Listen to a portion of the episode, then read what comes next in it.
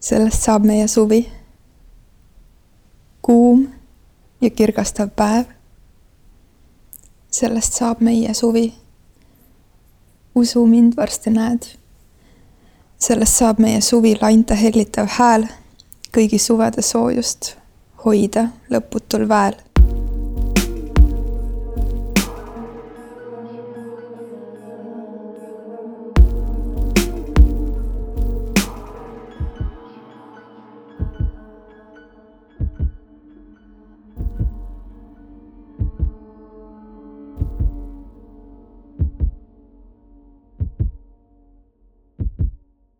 ma ei oleks alustanud seda saadet nii, kui äh, mu sõbranna paar päeva tagasi ei oleks mulle siin Wismari stuudio tagahoovis seda laulu sõnadena ette lugenud ja öelnud, et Elina, kas sa saad aru, et see ongi nüüd käes, et see suvi ongi käes, et ta on kuulanud seda eelmise suve osa, kus me lugesime need laulusõnad ette pimedatel pikkadel õhtutel ja unistanud, et saaks lühikeste varrukatega valgel suveööl istuda kuskil kesklinna hoovis loodusest rääkimata. ja tunda, et sellest saab meie suvi. ja nii mõnusal kombel ajataju on praegu kadunud, aga vist eelmine nädal tuli raadiost see Code One'i Sellest saab meie suvi ja täiega naeratasin lihtsalt filmisin ennast seda kuulamas.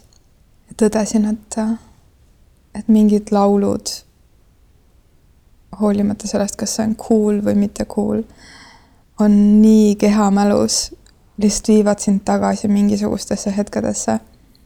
ja sa lihtsalt nagu sulad ja vajud sellesse meloodiasse ja aga mida vanemaks sa saad, siis sa hakkad aru saama, et lauludel on päriselt sõnad, mis midagi tähendavad.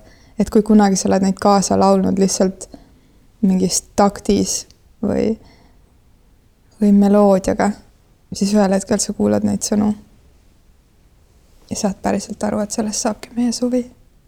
nii et Veiko, ükskõik, mida me teeme või ei tee, sellest saab meie suvi ja teie suvi ka, kallid kuulajad siit on hea nipp, ma tahtsin, meil oli Elinaga siin väike võistlus, et kes kuidas saadet alustab ja siis ma tahtsin ka esineda tsitaadiga tõenäoliselt ka mingisugusest varasemast saatest, et äh, tuletada meelde, et kohe on käes jaanipäev ja siis vana hea rahvatarkus, et kui sa jaanilaupäeva öösel magad seitsme mehe või naisega, siis sa näed öösel unes oma lemmiklille. Nii et kõigil on võimalik oma lemmiklille öösel unes näha ja tegelikult oli sellist vastupidi, et kui sa korjad seitse lille, kas sa usud sellesse, et äh, sellesse nii-öelda, ma ei tea, maagia on võib-olla halb sõna selle kohta, aga mingisugusesse nagu no sina oskad sõnastada, mis asi see on, kui sa korjad need seitse erinevat lille ja paned padja alla ja siis sa näed öösel unes, mis selle asja nimi on? no ma ei saa öelda, et sellel on nagu mingisugune nimi, nimi, nimi, aga need on mingisugused uskumused või rahva rahva uskumused, mis äh, on siis saanud äh, aluse kas kuskilt muistenditest ja tihtipeale ongi kaduma läinud see juur või, või see, kus nad päriselt alguse on saanud, et keegi räägib edasi, aga sa kunagi ei tea, kuidas keegi teine edasi räägib, et mida ta seal muutnud on, et kas oli kunagi kaheksa lille või üksteist või kolm või neli või kas need olid üldse lilled või olid midagi muud. aga et kas ma usun? no ma valetaksin, kui ma ütleks, et ma ei usu ja kindlasti on mingid asjad, millesse ma rohkem usun, millesse ma vähem usun.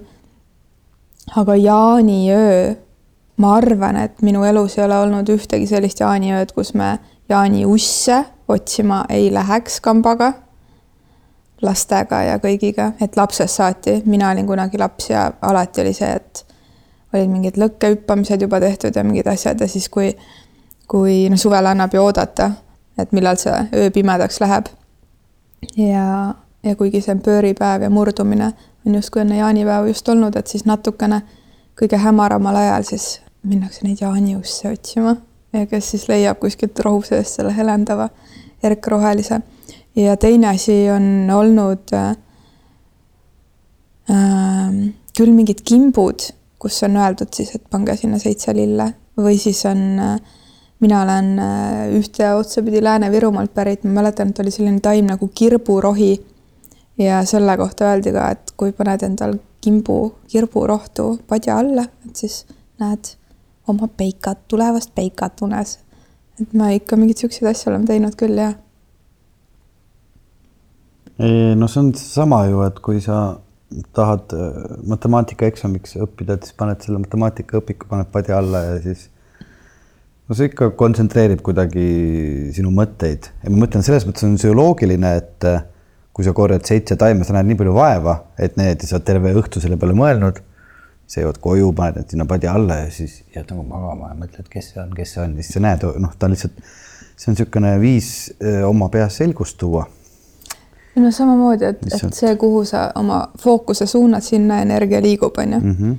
et nagu taimede vägi, taimede väge ei tasu alahinnata.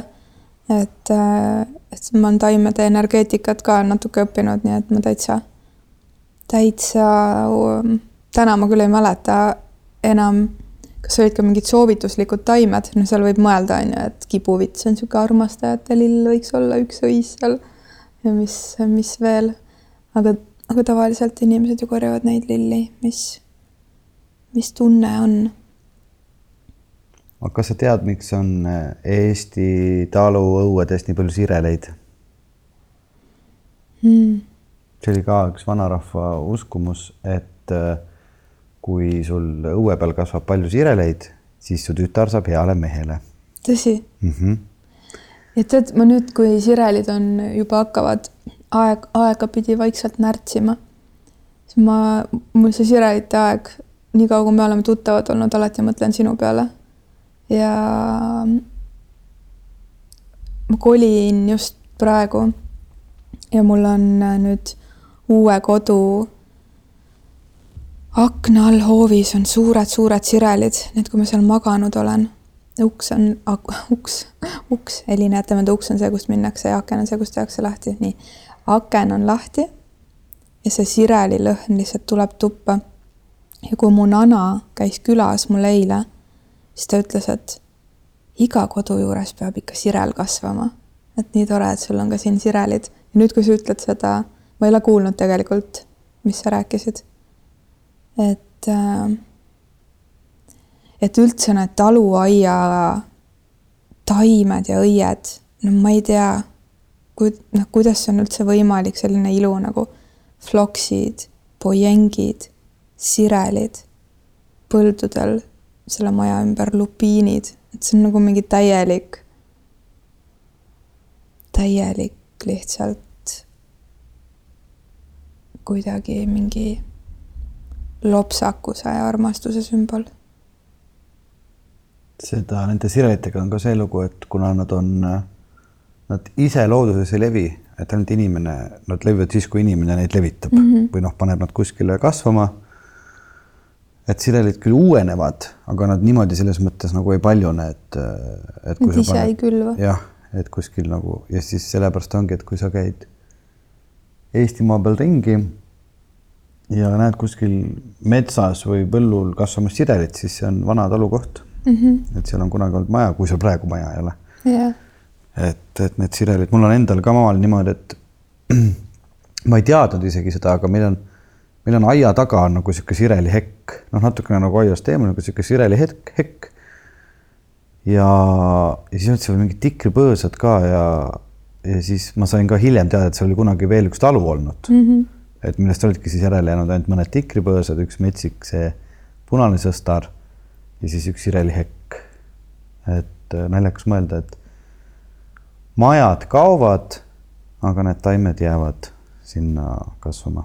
Inimesed ka kaovad ja taimed mm -hmm. jäävad. ma just vaatasin ühte filmi, mida ma väga soovitan kõikidele inimestele, et mille nimi on Fantastic Fungi ja räägib äh, siis fungidest, sentest mm ja, ja seal on tõesti nagu ära toodud nii teaduslikke kui ka nagu muid näiteid, üle, üleloomulikke ja, ja igasuguseid.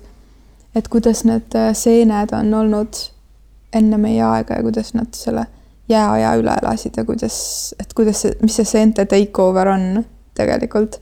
et see on nagu kõige algus justkui või kõige, kõige kõigem mingi elu essents, kõige, kõige vanem mingisugune tagasivaade, mis meil praegu saab üldse olla.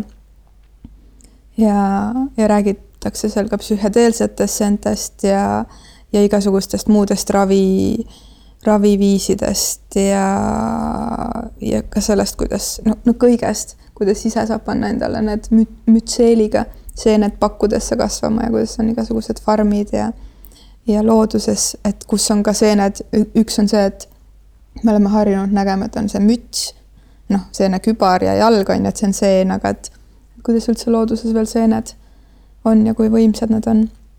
see, seda filmi vaadates jälle tekib see tunne, et kui väiksed või heas mõttes, kõige paremas mõttes tühised me inimestena oleme. et kui sirelid elavad meil siin maju, maju ja inimelusid üle, et mida siis veel seened teevad, rääkimata millest iganes veel. nii et kuidagi nagu siuksel, just kuulad, ma mõtlen, et ma praegu kuulan seda osa kuulajate moel ise seda osa sinuga siin salvestades, siis me oleme kuidagi nii mõtlikud, ma vaatan sulle otsa, aga ma tunnen, et äh, ma saatsin just oma USA sõbrannale foto endast, meil on selline komme, mida ma vist olen ka mingis osas öelnud, et me mm, iga paari nädala tagant või proovime mingit sellist rütmi hoida, saadame viis fotot äh, oma elust, üks peab kindlasti endast olema, aga kas, kus me oleme käinud või mida teinud ja siis tema saadab ka, et hoida sellist nagu üle ookeani mm, vestlust ja mingit linki. siis ma saatsin talle endast foto. ja siis ta ütles, et oh, you look so beautiful. ja ma vastasin, et thank you, but I feel more like old and tired ja ta vastas, et maybe a little bit tired et äh, praegu vaatan meid. Ja ma tunnen, et me oleme kuidagi nagu vanemad kui siis, kui me kohtusime ja see on loogiline, sest aeg on möödunud. aga mingi selline nagu. mul on tunne, et me hakkame seda suve võtma mingi augusti küpsusega siit juuni, juuni keskelt. ja see suvi on olnud ka ju juba praegu hämmastavalt mõnes mõttes ju. juuni on olnud pigem juuline ju, kui sa vaatad seda kuumust, mis siin ümberringi on täna oli äh, selles mõttes äge ilmastikuolude vaheldumine. et äh, öösel ärkasin selle suure mürina ja vihma peale üles. siis hommikul, kui ma kodust välja läksin, oli selline kuusteist kraadi ja niisugune jahe ja niiske. mitte enam hommikul, see oli siis juba noh, mõned tunnid pärast hommikut. aga see ilm muutus äh, jalutuskäiguga kodus Balti jaama turule ja tagasi niimoodi, et minnes oli kuusteist kraadi, tulles oli kakskümmend kuus kraadi. käisin vahepeal kodus, tulin uuesti välja, siis oli Telliskivi kohal suur udu langenud, oli jälle läinud nagu alla kahekümne. ja nüüd on see udu jälle hajunud ja on tõusnud tagasi sooja peale, et väga huvitav päev on olnud ilmastiku mõttes. me oleme täna nii palju loodust juba maininud ja kuna sa tõid ilma ka sisse, siis tead, mis on paljud äh, sellised loodusteadlased öelnud ja Eesti loodustargad ka, et äh, see looduse küpsemiskiirus on praegu nii palju kiirem kui mingitel teistel aegadel ja nii palju õisi ja kõike õitseb korraga, mida muidu ei õitse. et, äh, et kõik kuidagi liigub kiiremini ja kui on muidu mingid märgid, mille põhjal lugeda, et, et siis tuleb selline sügis või talv või torm või vihm või asjad, et siis praegu mingisugused asjad üldse enam ei klapi, ei oska nagu enam nende märkide põhjal äh, kuidagi rääkida. nii et kui kunagi räägiti ap-, apokalüptilisest kahe tuhande kaheteistkümnendast, siis natukene on see kakskümmend, kakskümmend niisuguse maiguga hoopis. kuigi samas äh, sirelite järgi vaadates siis sirelid olid see aasta küll üsna hilised, tulid üsna hilja õide ja õitsesid kaua. no nüüd sest et äh, minu sünnipäeval, mis on esimesel juunil, on ikkagi olnud äh, sirelit tavaliselt nagu täis õie, õies, aga see aasta oli niimoodi, et pooled polnud veel, pooled polnud veel lahti läinud. et inimesed nägid vaeva, et sirelit saada äh,. nii et ei olnud, ei olnud nad veel lahti. aga oled sa see aasta söönud mõne selle õnne ära? ühe õnne olen leidnud vaasist. väga hea, sellest piisab ju. mul on üks õnn, see ongi üks õnnelik suvi, mis ees ootab. oota, aga sa, tulles tagasi nüüd selle laulu juurde, sellest saab meie suvi, kus sa nüüd sellega jõuda tahtsid, mis sellest suvest siis saab? ma ei tea, aga midagi head saab, et, et tõesti ma näen ümberringi lähedasi ja, ja lihtsalt ka tuttavaid, kuidas inimestel on nii palju muutusi kuidagi elus ja, ja elamises ja töös ja suhetes ja tegemistes. et, et mitte keegi justkui ei tea midagi ja siis mul ongi tunne, et, et mis siis saab et ei tea, aga kindlasti midagi väga head. selline tunne on.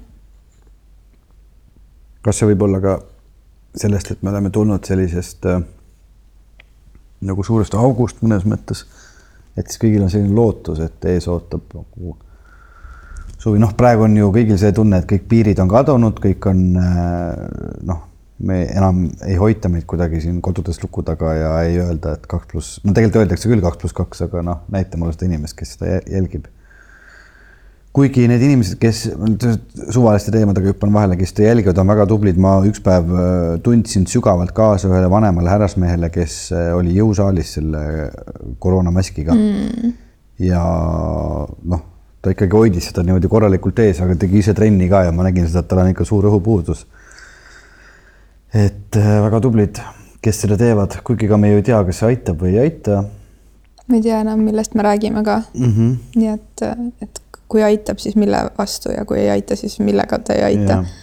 aga mul jäi, tahtsin selle Sireli jutu lõpuks öelda ühe sellise asja ka, et äh, siis ühel päeval jalutades kalamajas ja nuusutades igal sammul sireleid, ma mõtlesin sinu peale ja siis ma mõtlesin, et kui ma saaksin sulle teha ühe kingituse nagu elus ja see võiks olla ükskõik mis asi, et siis ma kingiksin kuidagi mingi sellise avastuse, et sireli, mis õitseb igal ajal.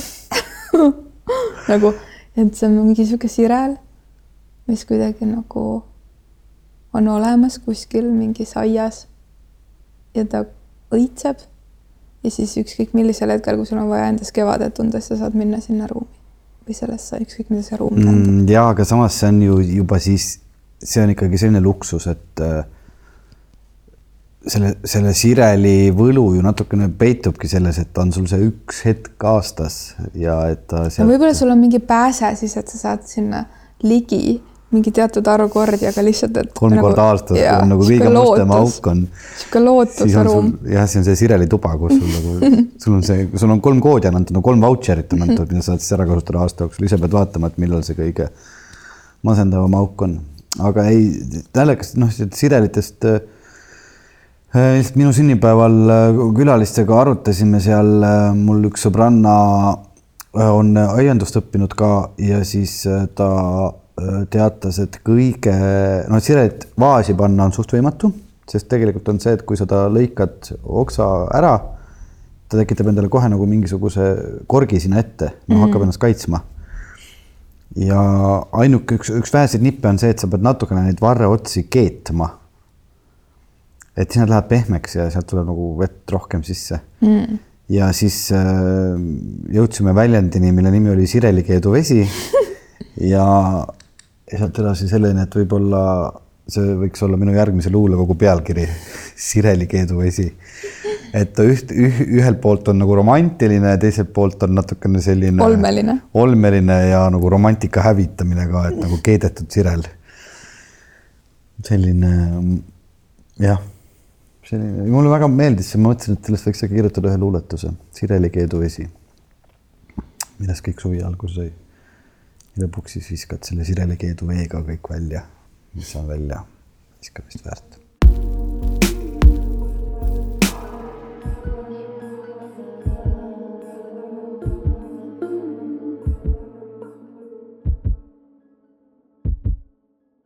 mis su suveplaanid on?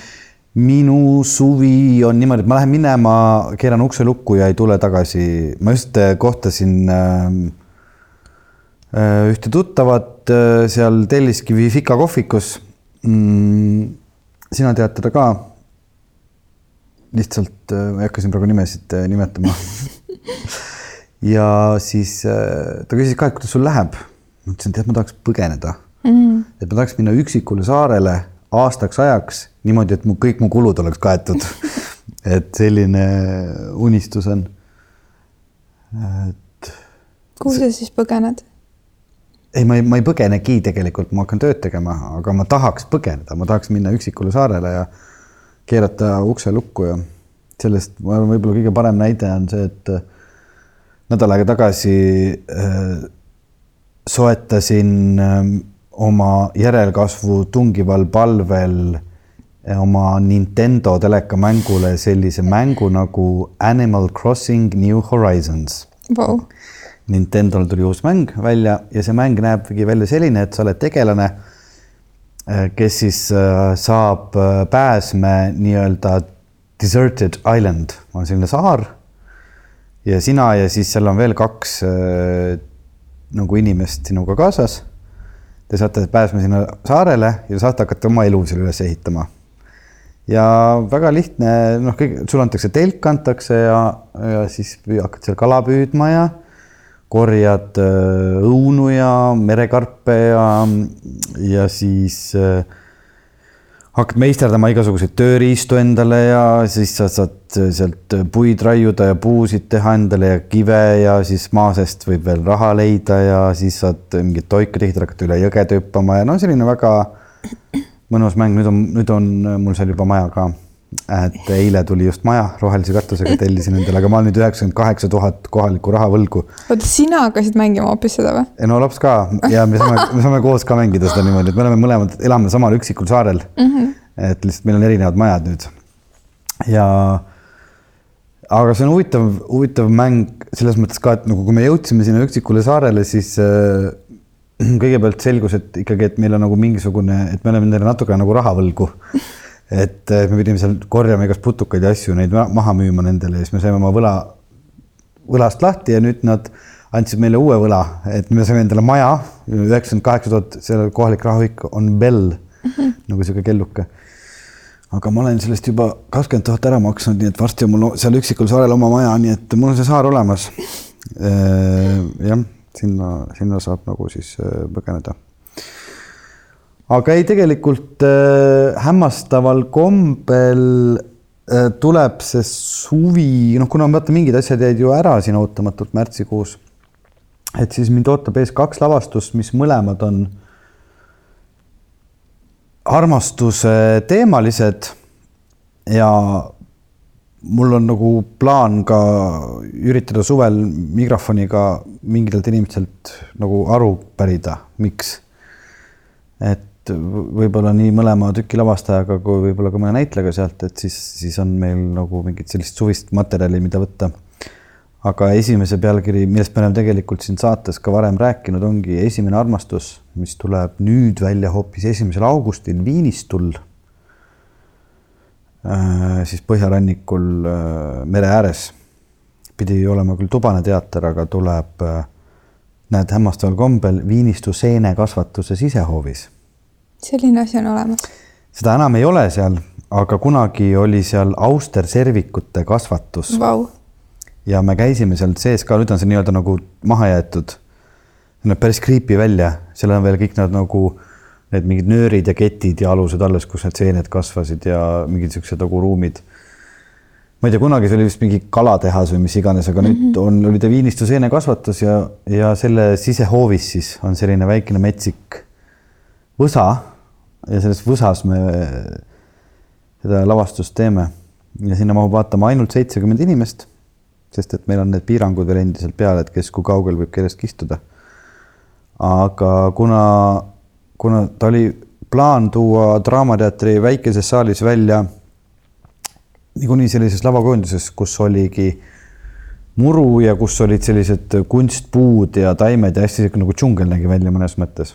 Et siis nüüd me läksime Viinistule sinna võsasse kus on siis päris puud ja päris muru seda tegema.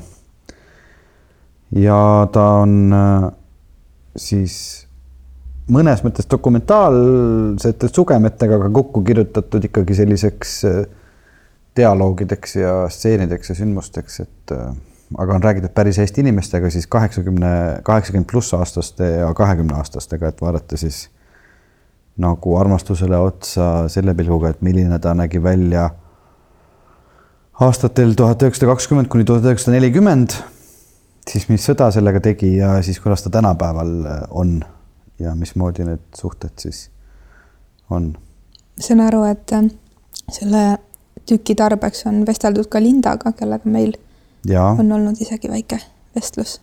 ja tema, tema, sealt on üks lausa üks monoloog. No see on hästi palju ümber kirjutatud ja segi kirjutatud, et dramaturg Andra Teede on selle materjali kokku kirjutanud koos Mari-Liis Lillega. et noh, ütleme nii, et ta on küll dokumentaalne, aga seal on erinevate tegelaste maailmad nagu sulanduvad ja fiktsiooni on ikka natukene juurde pandud, ütleme, et kui kui on võetud intervjuu inimeselt ja küsitud tema armastuse lugu, siis ta on selle ise rääkinud, aga lavastaja ja dramaturg on selle pannud siis nii-öelda nagu need tegelased siis käituma ja tegema ja mõelnud võib-olla välja, kes mida ütleb ja mismoodi see võis siis nagu juhtuda või noh, seda lugu siis nii-öelda lahti muukinud ja teatrikeelde pannud.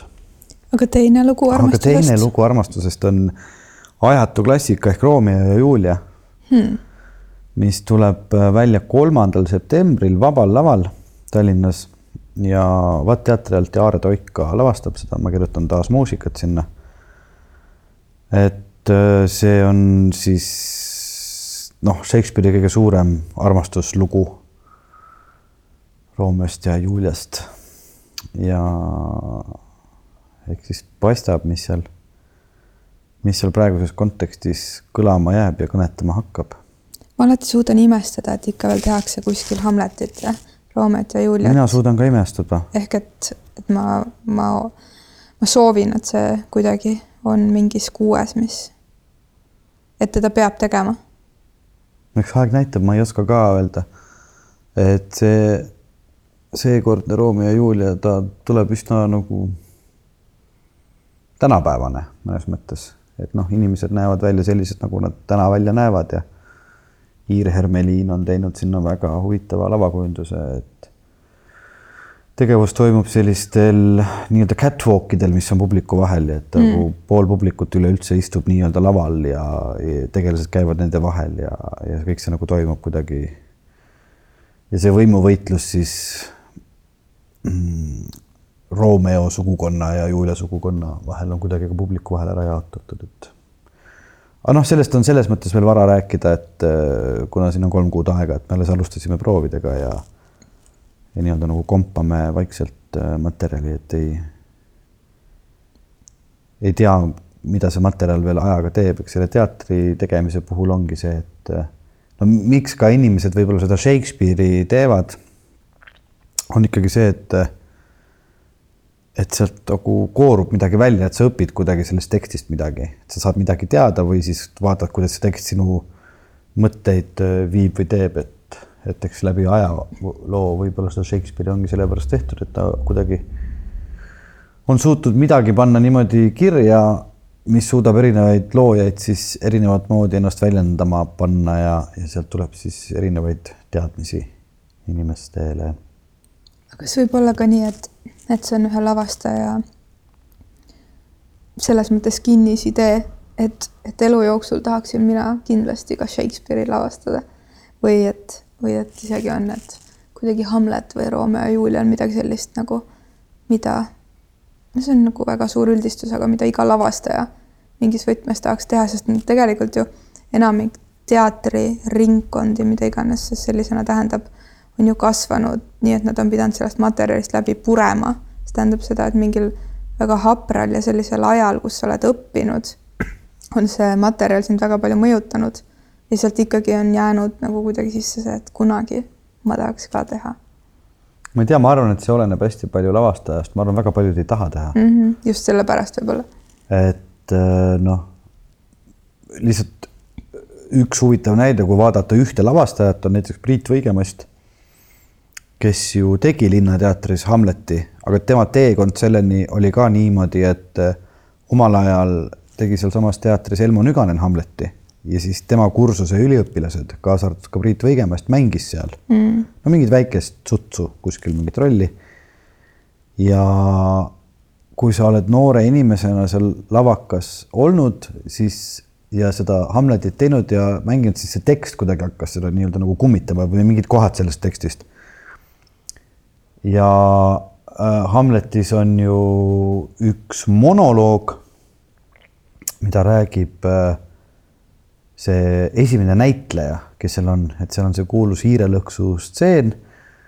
ma ei hakka nüüd siin nagu pikalt seda teatri teooriat siin lahti rääkima, aga põhimõtteliselt on seal nagu küsimus ka, et nagu, et kelle pärast see näitleja siis nutab ja see on niisugune nagu Hekuba pärast mm. -hmm. Ja sellest tuli siis üks järgmine lavastus Priidul Hekuba pärast, mis on, äh, põhinebki tegelikult noh, mis oli meie enda välja mõeldud, kõikide osalejate välja mõeldud asi. aga selle story lühidalt on see, et see on üks päev ühe näitleja elust, kellel on õhtul Hamleti esietendus mm ja kuidas tal siis hakkavad see Hamleti tekst ja elu hakkavad kokku käima ja mis siis selle päeva jooksul äh, juhtub. et see lavastus juba algab sellega, et, äh, et ta millegipärast on äh, raadiostuudios ja talle on antud nagu sellele näitlejale hommikul on selline tellimus, et ta peab seda Hamleti põhimonoloogi, mis on see olla või mitte olla Äh, mingiks sotsiaalreklaamiks lugema sisse, mingi selline tellimus, et sealt hakkab kogu see jaburdus pihta juba ja siis kõik, mis seal nagu ümberringi toimub ja ja samal ajal käivad siis veel nagu mingid Hamleti noh, viimane proov on teatris ja siis ta veel peab käima ja lõpuks siis õhtul on esietendus ja ja siis äh, ta saab infarkti noh, see oli täielik komöödia. et kes on seda näinud, oli tore mängida.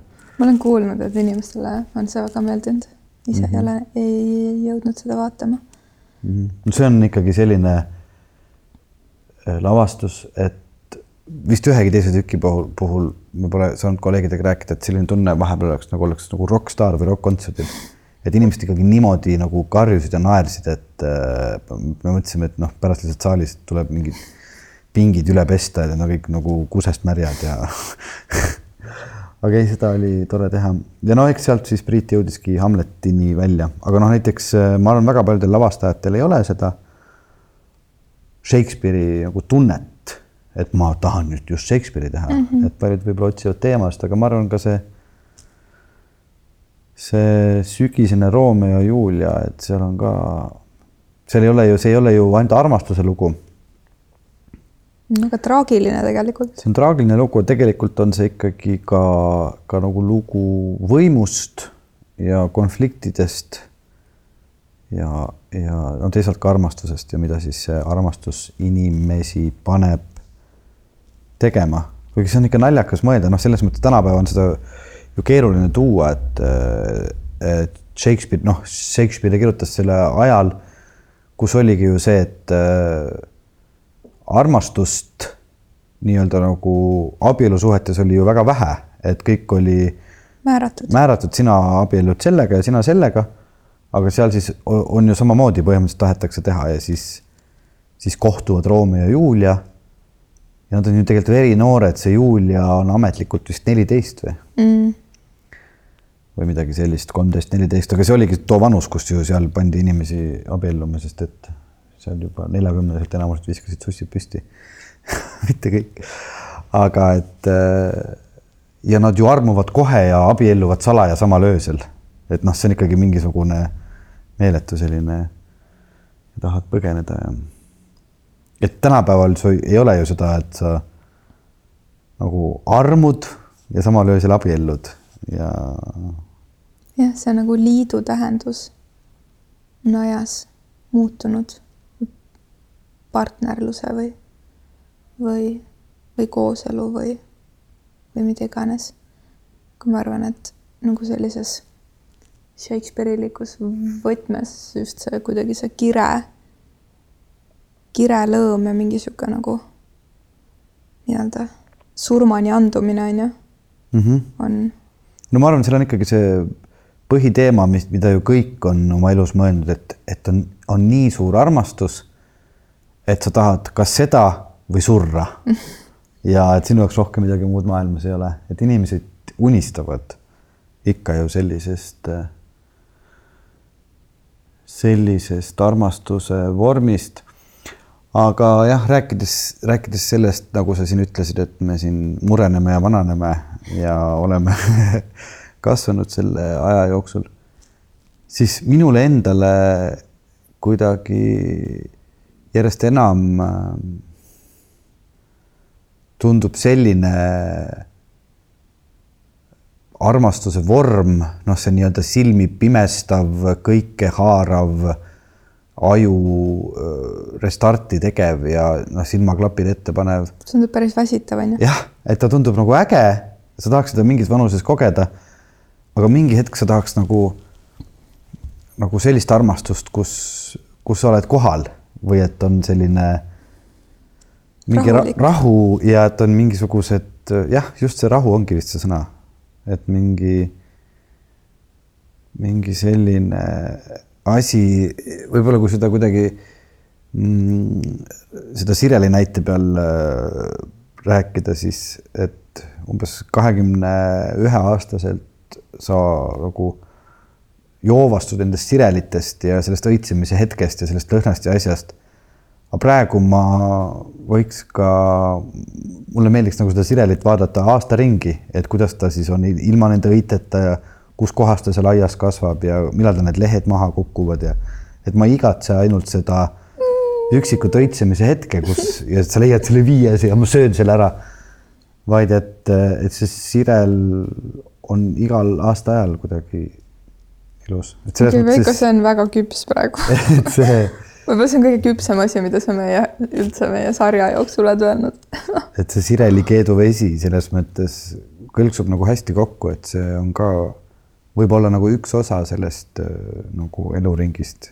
Sireli keeduvesi on nagu essents mm. -hmm.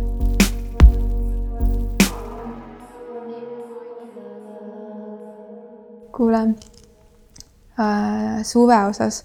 sina saad ju põgeneda üksikule saarele jaa, aga ma arvan, et ma ei põgene mm, -hmm. vaid mul on tunne, et selles põgenemises on alati nagu mingi, mingi soov millegi eest peitu minna, et seda mul ei ole. aga ma nii tohutult hea meelega sõidan, sõidan loodusesse ja, ja olen eemal. aga ma tahtsin seda küsida su käest, et kas sul mingit niisugust plaani või mõtet on, mina ei ole kunagi elus niisuguseid asju teinud, aga mul on tunne, et et ma tahaksin see suvi või või mulle meeldib ka mõelda, et see suvi on, ma ei tea, oktoobrini, et nagu kuidagi nüüd siit alates. et mõned asjad, mida ma tahaks teha, näiteks ma tahaksin minna, ma olen seda nii tohutult vähe teinud elus ja ma olen seda nii tohutult vähe Eestis teinud. tahaks minna matkama nagu väheste asjadega, aga nii, et mul on nagu mingi potike ja mingid tikukesed mingi väike telgike ja magamiskott et, et sõidad autoga, mitte et ma ei hakka nagu siit Tallinnast või mis iganes see stardipunkt on. aga et läheks niimoodi, sõidaks autoga kuskile ära, mõtleks natuke välja ja siis läheks no kasvõi miinimumprogramm kolmeks päevaks, neljaks päevaks kuskile loodusesse. ja olekski niimoodi, saaks hakkama ja oleks. ja naudiks lihtsalt kuidagi. Et mul on selline plaan ma ei tea veel, kas keegi minuga kaasa tuleb ja kas, kas see saab teoks, aga, aga mul tekkis niisugune tunne. ja kui me eelmine nädal telefonis rääkisime, siis ma ei mäleta, kas sa ütlesid, et sa ei saanud vastu võtta, et sa olid trennis või midagi.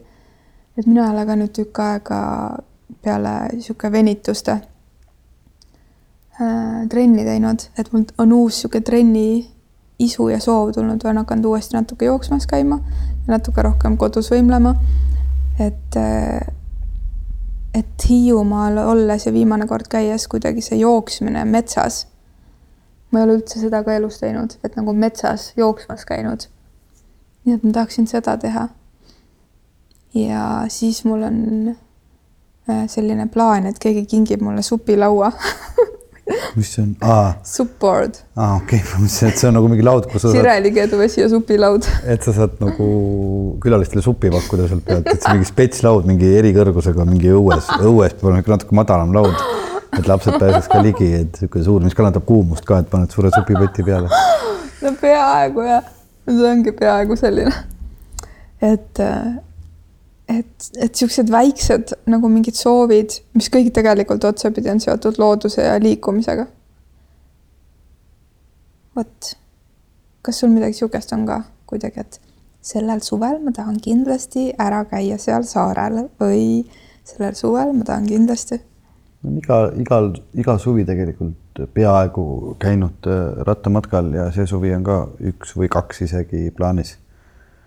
Kaks oleneb sellest, kuidas nagu muud kuupäevad äh, paika loksuvad. aga see on lihtsalt äh, üks kõige toredamaid äh, vorme Eestit nautida ongi jalgratta peal. et, et isegi, isegi mitte, noh, autoga võib sõita kuskile punkti mm, -hmm. aga me tihti oleme sõitnud ka rongiga kuskile punkti lihtsalt mm. -hmm. hea mõte. ja siis äh, pluss ratta peal saad natuke rohkem asju kaasa võtta, et sa saad nagu telgi ja magamiskoti ja vahetusriided ja kõik asjad panna nagu pakiraamile kotti ja tunda ise oled nagu niisugune seljakoti vaba seal mõnusasti väntad ringi eh, kuule äkki ma just tegin ka oma need plaanid ümber lihtsalt sinu ühe lause peale mm. -hmm. mul tundus nagu see telgi vedamine kõige jubedam selle juures. ja, ja noh, tegelikult äh, me oleme teinud ka niimoodi, et äh, just siin üle-eelmine aasta käisime mm, Muhumaal matkal noh, mingid ööd olnud telgiga ja mingid oleme ka võtnud lihtsalt mingisuguse kämpingu või kuskil mm -hmm. mingisuguse toreda turismitalu. et me sattusime ühte õudselt äh, toredasse, oligi kuskil mere ääres mingi turismitalu, mingi vana tädi pidas seda ja kuskil aidas magasime ja ja väga vahvaid kohti võib avastada ja just niimoodi, et noh, eriti äge on noh, kui sul on kuskil keegi kohalik tuttav, et sa saad tema käest küsida, et kuule, mis teil siin lähedal on mingi äge koht, kus, kus ööbida, aga noh, internetist saab ka. põhiline oleks igasugust neid hotelle ja neid asju vältida, aga just mingid väiksemad nagu kohalikud inimesed ja meil on ju ühel rattamatkal, see oli kõige esimesel rattamatkal, ma olen seda kindlasti rääkinud, aga kordan üle. Oli ju niimoodi, et me otsisime ka telkimiskohti, no siis me olime terve kursusega, oma lavaka kursusega, meid oli viisteist inimest. olime ka kuskil järve ääres seal ja, ja siis küsisime, seal mingid inimesed, et kuulge, et öelge, et kus teil siin oleks hea siin telkida. Nad ütlesid, meie aias, tulge aga me ise äh, lähme praegu Tallinnasse, et meil tuleb tütarlennuki pealt, et näete, võtke, siin on võtmed, köök on majas, pange need telgid, kus te tahate, vesi on siin, kaev on siin. me tuleme umbes nelja tunni pärast tagasi. Andsid meile oma maja võtmed, läksid ise Tallinnasse ja noh, sa võid nagu leida telkides ka väga toredaid inimesi, aga rattaga jah, ratta, rattaga ja tegelikult kõige parem aeg muidugi on juuli lõpp, augusti algus sest et äh, asjad, mida sa kunagi autoga sõites ei tunne, on küpse vilja lõhn mm.. siis on just nagu järved on kõige soojemad, jõed on kõige soojemad, et ujuma minna ja juba siristavad need äh, ritsikad äh, õhtuti ja öösiti, natuke on juba hämaram. aga on kuidagi hästi ilus aeg kulgeda just äh, rattaga. see oli juuli lõpus, augusti alguses ma ennustan või noh, mis ennustan, palju öelda, ma olen üsna kindel ja et see Eesti siseturism see aasta õitseb. et, et soodustab ka seda sellist kohalikku avastamist ja just sellest eriolukorrast johtuvalt ma arvan, et inimesed avastavad kodumaad veelgi rohkem. on tegelikult nii tore. mm. -hmm. aga metsas joosta mina ei suudaks. see, ma võin seal jalutada, aga jooksmine on ikka nii raske tegevus minu jaoks. just äh, sattusin siin paar päeva tagasi ühele üritusele, kus oli ka üks selline töö kaudu tuttav inimene, kes oli siis ka rääkinud, et ta nüüd hakkas ka jooksma. ja ta elab kuskil Sakus ja ta viisteist minutit jooksis ära ja siis ta tundus, et tal on surm silme ees kuskil Saku pargis, viskas ennast sinna pikali ja siis lasteaialapsed käisid mööda ja vaatasid, kas see tädi on suremas. et kui sobib jooksmine, siis palun väga, jookske aga, aga mm, ei tea, seda peab ka natuke harjutama. ei, täiega peab harjutama. ja noh, üllatus-üllatus, et harjutad ja siis nagu hakkad, hakkabki nagu rohkem selgeks no, saama. et äh, mul ka üks sõbranna õpetas siin mingit käteasendit ja ta oli mingi jooksuraamatu lugenud läbi, andis mingeid nippe.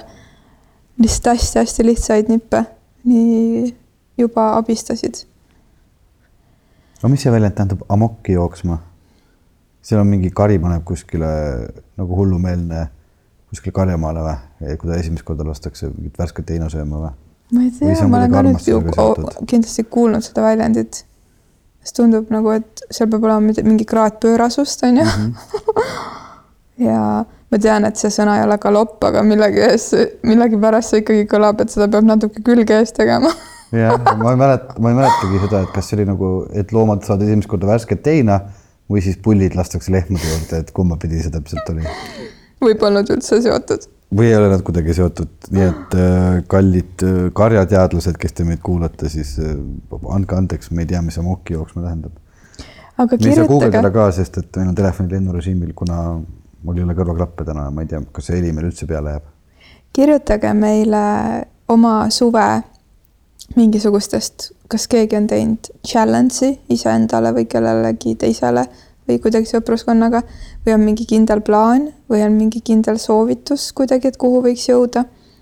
just äh, siin, siin regioonis Eesti ja siin meie lähiümbruskonnas. et mingid head soovitused ja kirjutage natuke mingit pikemalt, siis me saame mingis saates ette lugeda. ja, ja kes pikka kirja ei viitsi teha, äh, siis alati on võimalik Instagrami panna. siis on meil hea lihtne seda story's jagada, teie lühi, lühikesi mõtteid, vahel on inimesi nagu paneb lukku see, et ma istun oma arvuti taha, hakkama pikka kirja kirjutama. et kui sina oled see inimene, kes äh, läheb selle peale lukku, siis. keera ennast lahti. Facebook ja Twitter on need kohad, kus sa leiad meid üles sotsiaalmeediakanalitest. ja äh, ühtlasi on järgmisel nädalal tulemas Patreoni uus erisaade kes meid on seal juba eh, kuulanud, siis eh, seal kaks viimast erisaadet on olnud ühe suve päevikud, juuni ja juuli. nüüd hakkab seal kätte jõudma august. august saab olema eriti pikk ja kirjanduslikult romantiline, nii et see tuleb lausa kahes osas. et see saade on juba ära salvestatud, veel monteerimata, aga järgmine nädal jõuab ta meie kõigi Patroni toetajate postkasti et kes veel ei ole Patreonis meid toetama hakanud, siis äh, võite minna veebilehele www.patreon.com kaldkriips armastusest, armastusest. ja, ja teha see väikene toetus sinna ära, sest me just äh, täna siin Elinaga arutasime, et meie salvestaja hakkab vaikselt otsi andma ja me peame tegema ühe suurema investeeringu, et, äh, et, et saaksime ka järgmised viiskümmend saadet teene tuua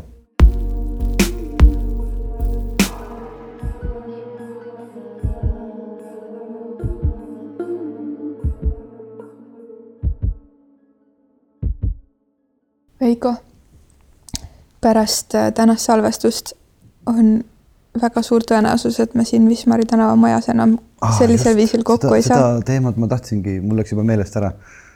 ma lihtsalt äh, enne kui sa hakkad seda rääkima, ma täna tulin selle tõuksiga siiapoole ja siis minu mälupildis, noh, me pole ammu enam siin salvestanud mm, -hmm. mitte nüüd nii ammu-ammu. aga minu mälupildis on ju kogu see tänav, mis siia tuli, on ju üles kaevatud kogu aeg ja siia ei saanud nagu normaalselt tulla ja siis nüüd ma vaatasin, et nüüd, kui on viimane salvestus siin Wismaris, on see, mis see on, Koidula või mis tänavat, Luise Koidu, Koidu, Koidu tänavat mööda tulen, on saanud perfektselt valmis, siin mm -hmm. on mhm. kõik pandud plaadid, selline ilus sillutis, muru kasvama ja mõtlesin, no näed, nüüd siis. nüüd viimast korda saan tulla mööda seda teed. jaa, aeg edasi liikuda ja nii võimas on olnud siin minu kasvamine oma tegemistega. ja nii palju ägedaid inimesi on käinud tseremooniatel. ja, ja nüüd viimastel nädalatel on olnud nii tohutult, tohutult mitmeid teerännakuid. kus kõik on tulnud ütlema aitäh ja head aega, mis ei tähenda, et teerännakuid edasi ei toimu, aga lihtsalt selle, selle maja aeg sellises vormis minu jaoks saab, saab otsa, et aeg tiibu sirutada ja edasi liikuda. aga ma kindlasti tulen siia külla, siia tuleb üks teine äge tegelane edasi tegutsema. ja. Sepp mm,. oleks küll äge, kui ta Sepp ka oleks mm, -hmm. aga, aga ja, ja sellepärast ma ütlesin ka, et tule täna veel minu juurde, kuna me vahepeal oleme sinu stuudios salvestanud. et saame siin veel koos istuda ja, ja kuidagi mõelda ja, ja tunnetada, et kust me oleme tulnud siia. et sa alustasid sellega, et äh, sellest saab meie suvi ja nüüd on tõepoolest suvi on ees, et äh, me oleme siin täna Elinaga kahekesi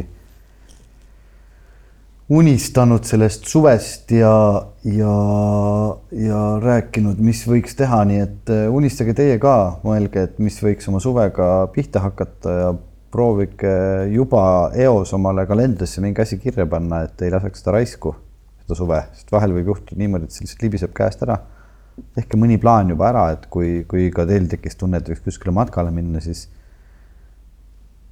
küsige mõne sõbra käest, äkki ta tahaks kaasa tulla, kellel kas jala või rattaga ja mõelge välja siis, kuhu rongiga sõita, kui autot ei ole, sest et ei pea alati auto olema, et matkale minna. Ja võib alustada ka siitsamast kuskile nagu reisimisega ja tagasitulekuga. või siis leidke endale see sirel, mida keeta ja mille keeduvett sisse juua ja mina veel unistan sellest, millest me praegu ei peagi rohkem siin rääkima, aga et ühel augustikuu päeval toimub ikkagi armastusest pidu Tartus. nii et äh, natukene mõtisklen sellel teemal ka ja vaatan võimalikkustele otsa. et ma kuskile meile kõigile jätan niisuguse lootuse seemne, et seda küpset augusti ööd hingata kõik koos millalgi Tartus piduses vormis vaatame, kas see saab võimalikuks tuled ka, Veiko, kui, kui toimub või? Äh, kui mul lubab see töö. no me arvestamegi sinu tööga ka. Muidu ei saa ju teha. töö on ju peaproovid augustis, ei, why not noh. Why not, kui on mingid toredad inimesed ja mingi mõnus muss, noh. võin ju tulla mul on ainult üks tingimus. ei, lihtsalt äh, see lõppu. Äh, sõbrannal oli eile sünnipäev, olime tema maakodus ja siis äh, tema laps tahtis minna siis nagu oma sõprade juurde, mis ei olnud seal lähedal no nende maa kohta, mis oli kaugemal, noh, pikk keeruline lugu. ühesõnaga, et noh, siis oli seal pikk pool tundi, et kas nagu saab siis, kas nad saavad siis tema lapse kaasa võtta või mitte, et noh, kuidas ta peab kindlasti reedeks Tallinnas olema ja siis need sõbrannad, need noh, kõik on, mis umbes kaksteist aastat, siis tema laps palus ja sõbrannad palusid ja lõpuks kuidagi jõuti järeldusele, et ja, ja et okei okay,, et siis autoga sinna ja siis noh, et jah, et sa pead reedel siis ise sealt bussi peale, nad toovad su bussi peale ja Tallinnasse, et siis kõik nagu saab kätte. Et lõpuks siis nagu luba saadud ja siis see tütar, kes oli kogu aeg seda lunis, hea küll, mulle sobib see variant, aga mul on ainult üks tingimus, ma tahan tagasi sõita Lux Expressiga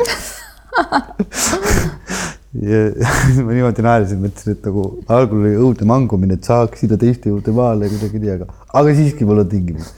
nii et eh, siit on ka minu tingimus, et eh, ma võin sinna Tartusse tulla, aga ainult kui ma saan sinna Lux Expressiga sõita. nii armas. no mis te tahate, et me teile sooviks ilusat suve või? soovige ise endale ilusat suve. ma arvan ja, et see suvi on, suvi on nagu täiesti meie enda teha mm. -hmm. ja hakkame lihtsalt peale sellega mm. -hmm. www.suvianendateha.ee ei ole vist ette www.podcastarmastusest.com, ei, armastusest.com. ma olen ka ise nii sassi läinud siin, see üks saade, kus ma ajasin mingit iba. ja, aga ma isegi ei tea, miks sa sassi ajad. kuidagi ei ole harjunud selle, sest me alguses tahtsime kõik teha ainult armastusest ja siis olid pooled olid ära võetud ja siis ühte kohta sai armastusest, teise sai podcast armastusest, nii et ma sean kuulajad, et ka teie see, seas on suur segadus, et kus, mis on, kui te lähete Patreoni lehele, siis see on patreon.com kaldkriips armastusest, kui te lähete Instagrami, on see Instagram.com podcast armastusest. ja kui te lähete Facebooki, on see ka, Facebook on podcast armastusest, nii et jube selge jutt. Peiko tegi samal ajal ka nagu koreograafiat juurde, et kuidas sisse trükkida. ma nägin nii lahedat koreograafiat, ma näitangi seda sulle nüüd ja teie kuulajad kuulete saate lõpumuusikat. Kohtumiseni, head aega, ilusat suve, näeme paari nädala. ilume imuli, imuli imelist suve lausa. imege suve, imelist suve. tobujuss. tofu, head aega